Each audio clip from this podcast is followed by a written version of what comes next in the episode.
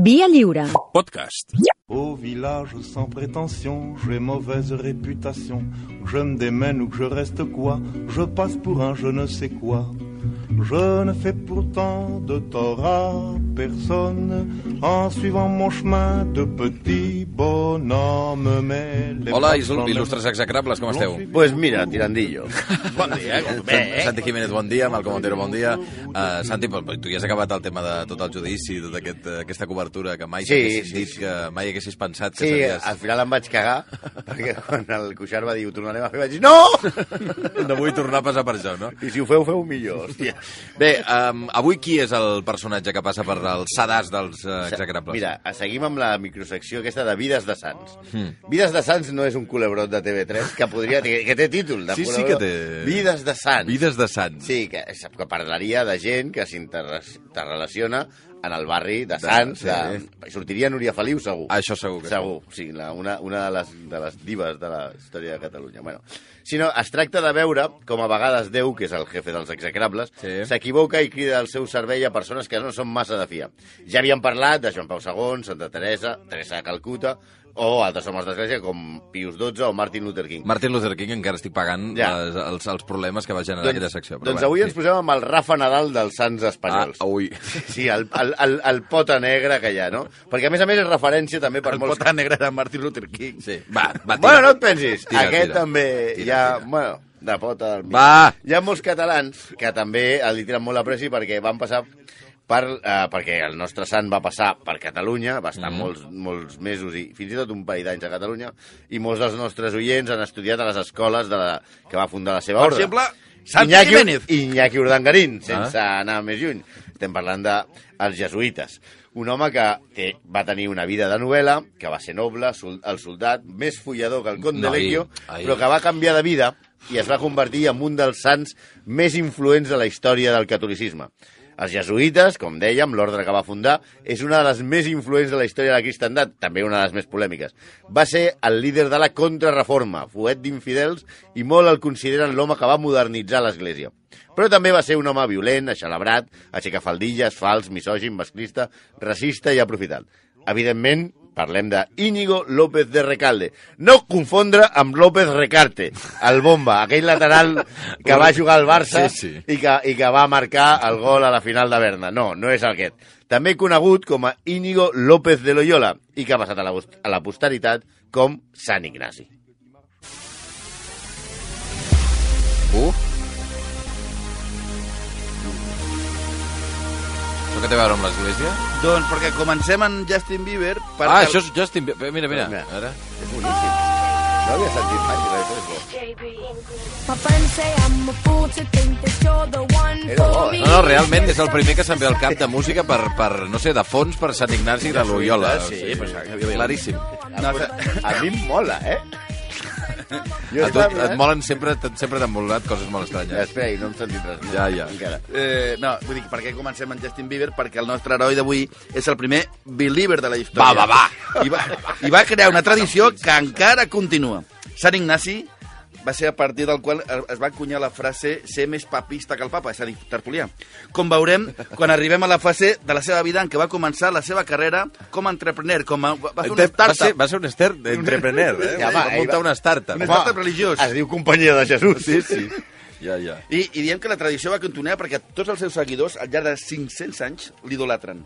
Més que si fos, eh, diguem-ne, Pep Guardiola. I he de dir una cosa, perquè de les escoles jesuïtes surt gent, surt gent molt bona i Santi Jiménez. Bé, no. Escolta, que no, no, que no t'estigui escoltant cap mestre de la teva època d'allà. No, Perquè, res, però sí. perquè, clar, Sí, sí. tacar d'aquesta manera el, el, Bueno, ja el sabia... sant de, de l'escola... Diguem-ne diguem que no, no vaig ser mai l'alumne. Ja, ja, ja, ja, ja. Bueno, investigar la vida de Sant Ignasi és complicat, perquè hi ha una immensa literatura sobre la seva figura. Però què passa? Que resulta que la majoria dels llibres estan escrits i o editats per la Companyia de Jesús i Associados, és a dir, la- l'empresa aquesta que va muntar ell. Mm. És a dir, que com tota la informació que tenim de Jesús Gil estigués escrita pels seus sicaris. Per tant, trobar algun fet en el que es puguem agafar per desvestir el sant desvestir el sant, cosa que ell feia amb certa freqüència. Com No, no, Com mira, prou, ell, no. A veure. Ell allò, allò de desvestir... Com- comporteu-vos. de- Ell quan van dir això de desvestir sants, ell ja es desvestia solet, No. eh? Els seus biògrafs s'han esforçat en maquillar les parts fosques de la seva vida des d'un... les parts fosques. Va, prou. No, o Des sigui, d'un bon va, començament. feu el favor. Vinga, va. Des de l'inici, per exemple, s'ha amagat que la família del seu pare era jueva Mm. i que molt probablement la seva mare no fos la dona del seu pare. Em direu, aquestes coses no influeixen per res en la seva No. tasca posterior, No, però es res. veu que els senyors que van començar a escriure les seves geografies, ja sabeu, aquests texts que es deia que Botaeng era, o Denis Suárez eren bons fitxatges, Botaeng, no, Botaeng. Boateng. Boateng, imagina't. eh, bueno, pues, a- aquests senyors que feien aquestes geografies, doncs els hi semblava vergonyós. A veure, era el petit de 13 germans d'una família de petits nobles bascos. Uh -huh. Els textos que parlen bé d'ell expliquen que el seu pare era Beltrán Yáñez de Oñaz i Loyola, vuitè senyor de la casa de Loyola d'Azpeite. La seva mare, Marina Sáez de Licona i Balda, natural d'Ondarra. No tenien targeta prou per posar-ho allò. I a la bústia, a la, la bústia ocupava tota la façana del, del caserío. Vale. El seu pare, i més amb 13 fills, el seu pare era el seu pare, sembla clar, però es veu que la mare era la dona del ferrer del poble. També expliquen que la família era noble i respectada, però hem trobat una crònica en la que la visió familiar és una mica més crítica. Los Loyolas fueron una de las familias más desastrosas que nuestro país tuvo que soportar. Una de esas familias vascas que portaba un escudo de armas sobre su puerta principal para justificar mejor las fechorías que eran el tejido y el patrón de su vida. A això? Una cosa que... Una, una cita d'un de les, dels llibres que heu estat eh, La, buscant, la, eh? la, la cita d'un- d'un d'un caserío basc, d'un historiador basc. Ahà. A més, i això sí que ho deixen clar les biografies a favor del pollastre, es veu que el pare tenia la mà una mica massa llarga. Massa llarga, doncs això de educo, educó a sus hijos en base al duro mandoble. És a dir, un pare com cal, no d'aquests que deixen els de les criatures córrer pels restaurants, eh? Sí. La seva mare va morir quan ella era petit, cosa que tampoc és tan estranya, perquè si ell era el menor de 13 germans vol dir que va morir quan el seu germà gran estava a punt de tenir nets. Aleshores, com el pare no podia mantenir tota la colla, va enviar el petit Íñigo a fer de patxa.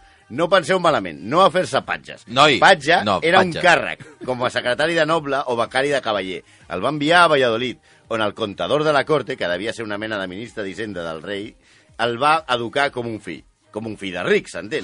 El va ensinistrar en l'art de muntar cavall, portar Oh. armes, fer-se el fatxenda. És a dir, la- van apuntar a les joventuts de Vox. Sí.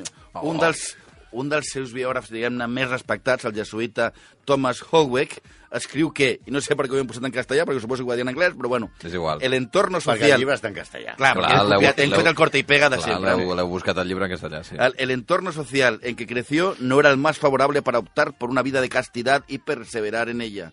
Fue un hombre con experiencia de trato íntimo con mujeres y hay argumentos para suponer que tuvo una hija. Oh, Si això ho diu un Ignatius Believer, doncs us podeu imaginar quina devia ser la, via, la, nostra, la nostra Íñigo. La seva vida devia ser com la del Rafa Mora de la Cort de Castella. Música orquera, eh? està bé, eh? Aquesta cançó m'agrada molt. És de banda sonora de rec. Sí. Clar, perquè no sou de l'ESO. I què té a veure és rec amb això? Perquè en aquella època, a veure, com era, com era el nostre Íñigo? Les pintes que portava eren el més pensat... Eh, teniu clara la pel·lícula de Rec? Sí. Lord Farquaad, Lord Farquhar és el dolent? el dolent, el, de- baixet, el així. baixet tal. amb, la, amb, amb una granyeta. Que és un noble clàssic, diguem Sí, eh? ell és Lord Farquaad. O sigui, oblideu-vos dels quadres que li han fet a- Sant Ignasi i amb els que ha passat a la posteritat. A veure, anem a les fonts, que després ens foteu bronca, i ara et dic el llibre i Va, qui va. Segons el llibre Ignacio i la companyia, del Castillo a la Misión, escrit per les germanes Maria i Laura Lara, primer Premio Nacional de Fin de Carrera en Història i llibre guardonat amb el Premio Algaba de Biografia, Autobiografia, Memòries e Investigacions Històriques, l'aspecte del nostre galifardeu era, li pregunten, A veure. ¿cómo era San Ignacio de joven? Dice, bueno, medía 1,58! Bueno, escolta. I I què, més eh? petit que Piatti. Va. y tenía una tremenda capacidad de persuasión. En esos momentos llevaba una melena hasta los hombros. Oh, igual que Lord Farquaad. És Clar, veritat. es que es Lord Farquaad. Y O a esta Arcadi le daba- Espada, diré, o Arcadi Espada, y eh? a esta le daba una, una apariencia graciosa. Solía vestir colores vivos. Así eran tanto los jubones como los guardamecíes de las casas del siglo de oro. Pero su simpatía la conservó siempre. Ara busqueu a Google Lord Farquaad i tindreu una imatge aproximada del futur sant. Tot i m'ha dit menys que Torre Bruno. Va. És que, o sigui, no, no. Sigui, és a dir, si tu portes el cabell llarg, et demanen certa altura. Ah, sí? Això t'ho diuen Des de sempre. quan? No, home, Chewbacca, per exemple. Chewbacca porta el cabell llarg i és alt. En canvi, Pepe, Pepe Villuela, No petit i m'estàs calvo, dient que els, els baixets han de tenir els cabells curts? queda molt malament. Va, Queda molt malament. Va, tira. Bueno, tot i, tot i ser Sembles baix, un extrem argentí Ara xungo. les, cla... tot i ser baixet. Ara les classes de... Això, de... de... No teniu ni idea d'estètica. El, el paio era una mica un Julio Iglesias, perquè a més era un expert... No, en- Tardar metro 58 té molt mèrit, eh? No, home, és, és, bueno, clar, potser era com Ah. Sinatra, que em feia un metre, Va, però... va. A més, era un expert en el toreo a cavall, però probablement, això és segur, és el primer sant torero. Hi ha hagut més. I, Torejava. Sí, torejava. Ignacio de Loyola, eh? Era un, era un, futxe, un fatxenda compulsiu que es fotia a totes les baralles de les tavernes. A la, o sigui, a taverna que hi havia una baralla, ell hi era. Va ser arrestrat per la força pública diverses Arrestrat? vegades. Vols dir arrossegat o- o arrestat? Arrestat. Ah, ah, és que avui arrestat. estic una mica... que Doncs de, una mica. detingut. Detingut, detingut. Arrestat, detingut, exacte. Vull dir, a la presó. No es pot dir que sigui el primer sant amb antecedents, això no es pot dir, però eh, perquè els romans ja, ja, Ja, ja, Sant, Pere, ja tenien. Sant Pere tenia antecedents, clar. Però tenia a totes les nenes boges per ell. És en aquesta època on deixa embarassada a una noia de la cort amb la que té la seva filla, Maria de Loyola, a la que va reconèixer i li va deixar una pensió. Ah, sí? Sí, sí, sí. Sigui, és, un fill, és una filla reconeguda. per- Reconeguda, sigui, vull dir... Sant Ignacio de Loyola. Sant, Sant Ignacio no era virgen. Ja. Aquesta sí que és l'única dona del món que pot dir amb tot rigor al meu pare, que era un sant. Sí. Aquesta sí que ho pot dir. Sí, tots els que diem, no, és que el meu pare era Meu un sant. pare no, era un sant. No. No. Aquesta sí que Aquesta pot dir. sant. El meu pare era un sant reconegut per l'Església. Tot pintava que el xaval faria carrera a la cort, perquè era un militar molt destacat, i com diria l'advocat Melero, un militar de verdad, d'aquells que agraden a la fiscalia, d'aquells que són el novio de la muerte, però que putegen els soldats que estan al seu destacament. No hi ha res pitjor que et toqui el destacament d'un flipat motivat com era Íñigo de Loyola. I deia, ¿tú con quién vas? No, el gran capitán. Uah, y- Vas a pillar. 80% bajas. ¿Con quién vas? Con Íñigo de Loyola. Hòstia. Adéu, xato. Tenies tots els números de la rifa per acabar malamente tra-tra. I així va passar el 1521 al setge de Pamplona. Sí, aquesta és la batalla que canvia la seva vida i acaba eh, amb el seu destacament. Ell es va empenyar en defensar un grapat d'homes, un centenar, una posició davant de 12.000 soldats francesos i navarresos. L'escabatxina va ser descomunal, però ell es va poder salvar tot i quedar molt greument ferit. Una bala de canó li va fer un canyo, tipus Messi a Carvajal. La bala li va passar entre les cames. Què dius? No és el que penseu, no entre les cames, no li va, no li va deixar la... No va tocar la musclera no la va tocar, no. Ja. No. Però, eh, però li va trencar una cama i li va deixar l'altra feta puré. Els francesos, que el van veure tan greu, O sigui, quines possibilitats hi ha que et passi entre les cames una bala de canó? És, No, no, o sigui- Sant Ignacio Loyola. O a no ser que facis el gesto de... A no ser I que siguis també amb com Vanega, que va intentar parar el cotxe amb, Ai. amb el peu. Ai, també també s'ha de dir que no li penjava molt perquè no li va tocar la... Va. La, la, la, I la sobretot que vagi tan Però baixet. li va trencar una cama, dius, eh? No, Sí, va sí. les, una, una, una rebentada i l'altra Una mica, sí. pel El- caldo. De fet, els francesos el van veure tan greu que van permetre que se l'emportessin a casa seva a morir. Mhm. sí. Quan aquest ja no hi ha res a fer, no, no el detenim, que, que marxi. Sí, però va resultar que el metge que estava de guàrdia aquell dia, de, el cap aquest de, de Azpeite, devia ser un fenomen. Perquè després d'estar un any convalescent i a punt d'anar-se a l'altre barri un parell de cops, que de fet li van donar l'extremunció dues vegades, No fotis. es va salvar. Òbviament, les cames li van quedar com a Vermalen. No, però, ell, escolta, no fatis. però ell queria tornar a jugar. Un os d'una cama li sortia fent una protuberància que li impedia posar-se les botes, perquè realment tampoc... Mm, eh, la, la cirurgia del 1521 tampoc era la, Ja. la d'ara, no? I ell li va demanar al metge, atenció, que li llimés l'os en viu sense anestèsia Ah, ai, per ai, recuperar l'equilibri La la, la forma de la cama. Ai, ai, allà... Allà, sí, sí, i amb una Oh, serra oh, tallant oh. a l'os que sortia. Ah, el Oi, que feia oi, miracles era el metge, no aquest. Però bueno, Home, i el òbviament... tio aguantant sense anestèsia. Sí, Oi, això oi, sí, oi. això sí. Òbviament, perquè això deu fer un mal de cagar-se, i això demana un repòs d'anys, que també com el de Vermalen. I aquí, on és, aquí on, és, on, és, és on canvia la seva vida. Quan no podia sortir del llit, va començar a llegir. Primer, llibres de cavalleries i després, vides de sants.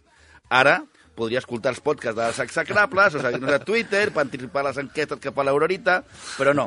Es va, flicar, es va flipar en les vides dels sants. I va dedicar i va decidir dedicar la seva vida a predicar la paraula de Crist. Després va tenir unes 30 visions de la verge, que jo també em vull prendre el que es plania ell, eh? Home, I va eh. decidir anar a Santa Teresa a convertir... Santa a, Teresa? A, a Santa Teresa, a Terra Perquè, Santa. avui què et passa? Avui, avui estàs... On és Santa Teresa? No, a Terra Santa. A Terra Santa. Santa Teresa és una marca de rom. Meu. És una marca de rom. Jo crec bona. que aquí podríem començar... Bueno, sí, A trobar la resposta. No, Ja a la t'ho puc, dic no puc explicar el que vaig fer. Però bueno, Va. Si seriós, Va anar a Terra Santa. La Terra Santa. van a Terra Santa a convertir infidels i a fer un vot de pobresa i, sobretot, això és molt important, de castetat. Ah, sí? Sí. I també d'obediència bastant- al papa.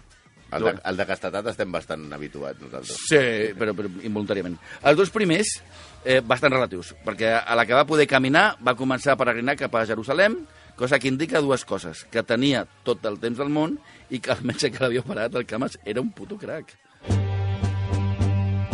És la moreneta. Oh, la brutal.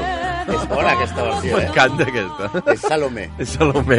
Salomé, Salomé, que és molt guapa, eh? Sí. Però molt, eh? Sí, sí, és que he sí. estat mirant les... Eh, com, quan la buscava, he estat mirant, i jo vaig conèixer un senyor que... Que què? Que Va, és igual, va, tira, hi ha un altre dia, si de cas. Vinga. El pare d'un amic meu. Va. De camí cap a Jerusalem, com tothom sap, s'ha de passar per Montserrat. Sí, Sí. Tu vas de, tu d'on surts de Navarra a Jerusalem, primera parada... Montserrat. Al Fajarín i després Montserrat. Com que Montserrat a aquella època era com la ciutadella de Joc de Trons, no? Sí, que era allà on hi havia la gent intel·ligent i els llibres i tal. Allà Íñigo va ser acollit pels monjos, va comprar mató, òbviament, i es va això, deixar... està, això està documentat? No, no està documentat, però, Però és sí- molt probable, però no? és que no ha sortit ningú de Montserrat des del segle XVI que, amb, amb una bosseta de mató. O sigui, és com l'impost revolucionari que et posen els monjos. Tu rius... O, o, o, Mató. O sigui, Abans o- de res, o- compri mató. Compri mató o no surt d'aquí. Vale? Va comprar mató i va deixar el seu uniforme militar per vestir-se amb uns parracs i seguir vivint com un pidolaire de camí fins a Palestina. Però abans va parar a fer meditació i vida ascètica a una cova de Manresa, on va redactar la base dels seus exercicis espirituals, que tots els que heu anat a un col·legi de jesuïtes recordareu. Els que heu anat, no sé si els d'ara ho fan, però jo me'ls vaig menjar amb patates. A aquella cova s'hi va estar 10 mesos com un ermità i que va tenir gran predicament entre la població local, que el visitava, li portava menjar, sostén i anava a veure'l. Bé, potser hauríem de dir que va tenir molt d'èxit entre la meitat de la població local, la meitat femenina, concretament, perquè de casta li viene el galgo. I allà es va fer molt amic d'una dona anomenada Isabel Roser, que va ser la seva mecenes, que el va tenir dos anys vivint a casa seva a Barcelona, i que és la que va sufragar les seves primeres escoles i els seus estudis a París, on es va canviar el nom i va passar a dir-se Ignatius. Ell va explicar que va ser per universalitzar el seu nom, una mica com els rapers o els fills dels futbolistes. S'ha de dir que avui estic tan dislèxic que he posat Salomé al mòbil i he posat Salami. Però bueno, Salami. tornem, tornem a Isabel Roser. Segons els escrits dels jesuïtes, la seva relació no va passar d'aquí. Ella pagava i ell la confessava, però segons altres biografies no autoritzades, s'ha de dir, es veu que Ignasi, ara ja sí, feia espòs i pare, de- d'espòs i pare del nen que tenia la, la senyora que era vídua. Va És a dir, l'espòs de la senyora i de pare del nen. sí, bueno, si no seria raro. És a dir, que se la calçava. Vull dir, això és el resum. Això són unes biografies no autoritzades, dius. eh? Els, se- sembla que els exercicis no eren només espirituals. Val, sí, quedat és a dir, nosaltres estem a favor. Com veurem ara mateix, es va comportar com un mal parit amb ella. Eh? El més probable és que Ignasi s'hagués ja passat pel forro al vot de castedat, però quedava alt de pobresa. Però resulta que ell volia, a veure, anar a Jerusalem, fundar un exèrcit de Déu, fundar escoles i missions, estudiar filosofia a França, publicar les seves obres i anar a Roma a veure el papa. Coi, i això costa molta pasta. I qui tenia la pasta? Doncs les senyores que li van fer d'esponsors. Tú no ves que yo soy caro, de lejos se nota que mi flow es caro. Eh, que con nadie me comparo, yo le llego y normal, ey, me miran raro. Aquest és com Ignasi de Loyola demanant que és, eh? Yo soy caro. Yo soy caro. Mi eh? flow es caro. Mi flow es Y caro, pues, me- por lo Y tanto- con nadie me comparo. Déu meu. Aquí- Us caurà un llamp un dia d'aquest. Aquí on es, és on es veu un dels altres, un dels trets comuns del nostre futur sant amb altres ex- execrables, no? la seva misogínia i el seu masclisme. S'ha de dir que això de la castetat, eh, si tu tens una, una bala de canó i no et toca la carn d'olla, dius, això ho he de fer servir, això és, això és un missatge diví. És una senyal de Déu. Però bueno, eh, la, eh, la, penseu que la companyia de Jesús havia de dir-se originalment companyia de Maria, perquè per alguna cosa li havia aparegut la verge 30 cops. Clar, no se li havia pagut Jes per, eh, Jesús. se li No, havia era la, ella. La verge. Però va decidir que era més comercial eh, l'heteropatriarcat. Ja.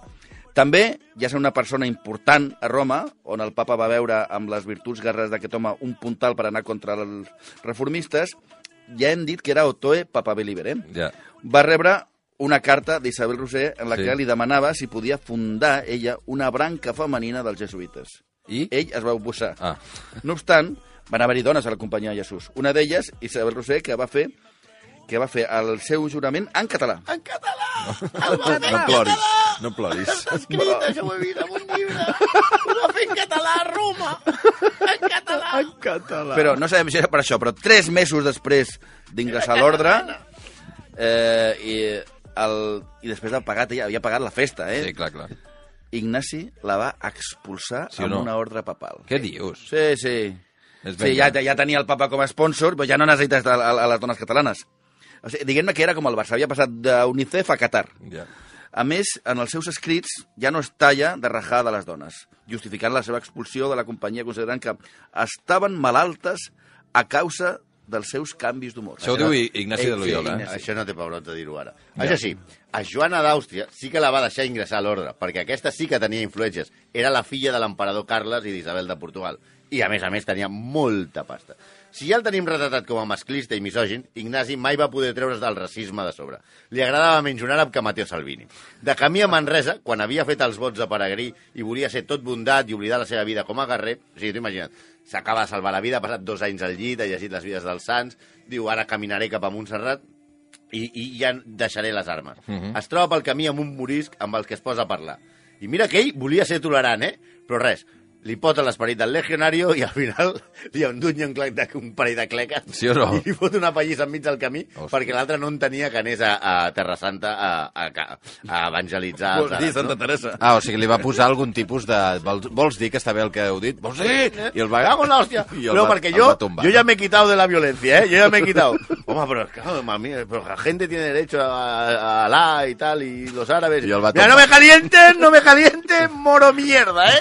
Que yo vengo de buen rollo y te meto dos chupa y ya está. És més, I què va passar? Si el va apallissar. el Valle Baixa, també, quan va arribar a Jerusalem per predicar la paraula de Crist, les mateixes autoritats eclesiàstiques cristianes li van haver de recomanar tornar a Europa perquè els seus sermons per predicar la paraula de Déu podien ser ofensius per la gent d'altres religions que per un moment en aquella història vivien en certa pau a Terra Santa. Vamos, que era com Albert Rivera passejant per Alsasso. I ens falta saber què va fer amb el vot de, de castetat. Bueno, ja ve dir que si, si tens una polla santa... Per, Va, però, va, a més va, a més, escolta. per un primer, Va, prou, per un prou. primer es passa com ell, Sí. les ganes no se't passen així com així. Les biografies deien que si va apartar-se d'Isabel Roser va ser per lluitar contra la tentació. És plausible, eh? Però la llegenda diu que els jesuïtes van descobrir una planta que afavoria el vot castetat i que disminuïa el desig sexual. Ahà. Fins i tot hi havia reis, i això sí que és raro, que van anar a veure confessors per demanar-los quina era aquesta planta màgica. No sé si era per ells o per les dones. Però era per fer baixar el Per fer- desig, eh? Sí, de fet, sí. hi ha, hi ha Una mena de bromur... Sí, una, un, que ells tenien com una infusió per, per intentar que no se'ls escalfés la cardolla. Però eh, al final van dir que el nom d'aquesta planta en realitat era el temor de Déu, no? I tothom sap, el, el, el, la realitat, com deia el màquina baja del gran Ivà, el millor remei contra el, el remei contra el desig sexual és mitja hora de ioga. Mitja hora de ioga? Mitja hora de ioga i després et fas tres palles. I després... Va, va, va, va, va, patxeu, prou. Patges, patges. Prou, prou, prou. No, va. Prou, no vull sentir res més, m'és igual ja. Va, I acabem, després ja se't passa el desig. Prou, escolta'm. Eh, Jo que he pensat, mira, ara diu una cosa interessant, no? El ioga com a rebaixa del desig Sí, sexual. tàntric i tal, no. Vinga, va. Però no, sé va, per què és torna, eh? Prou. Primer el ioga. M'ha quedat clar, m'ha quedat clar, és igual. en, en, en definitiva, per acabar, que era, va ser un home més humà que sant. I que l'únic que podem dir d'ell és que va crear un ordre, els jesuïtes, que és com els violins, que s'agafen amb l'esquerra però que es toquen amb la dreta. Ah, i els exercicis espirituals. Això sí que no hi ha per on agafar-ho. No sé si ho heu fet, però això sí que no hi ha per on Va, agafar-ho. deu passant. Uh, execrables, que vagi molt bé, eh? Us esperen aquí tota una sèrie de... de... Tots els meus exprofes. Tots els teus experts Per estan fer-te unes patges. a la planta zero, aquí a baix, Bueno, a veure. no, Prou! no. Deixeu-ho, deixeu-ho, prou! No vull saber res més, ja On està. Sauf les aveugles, bien entendu.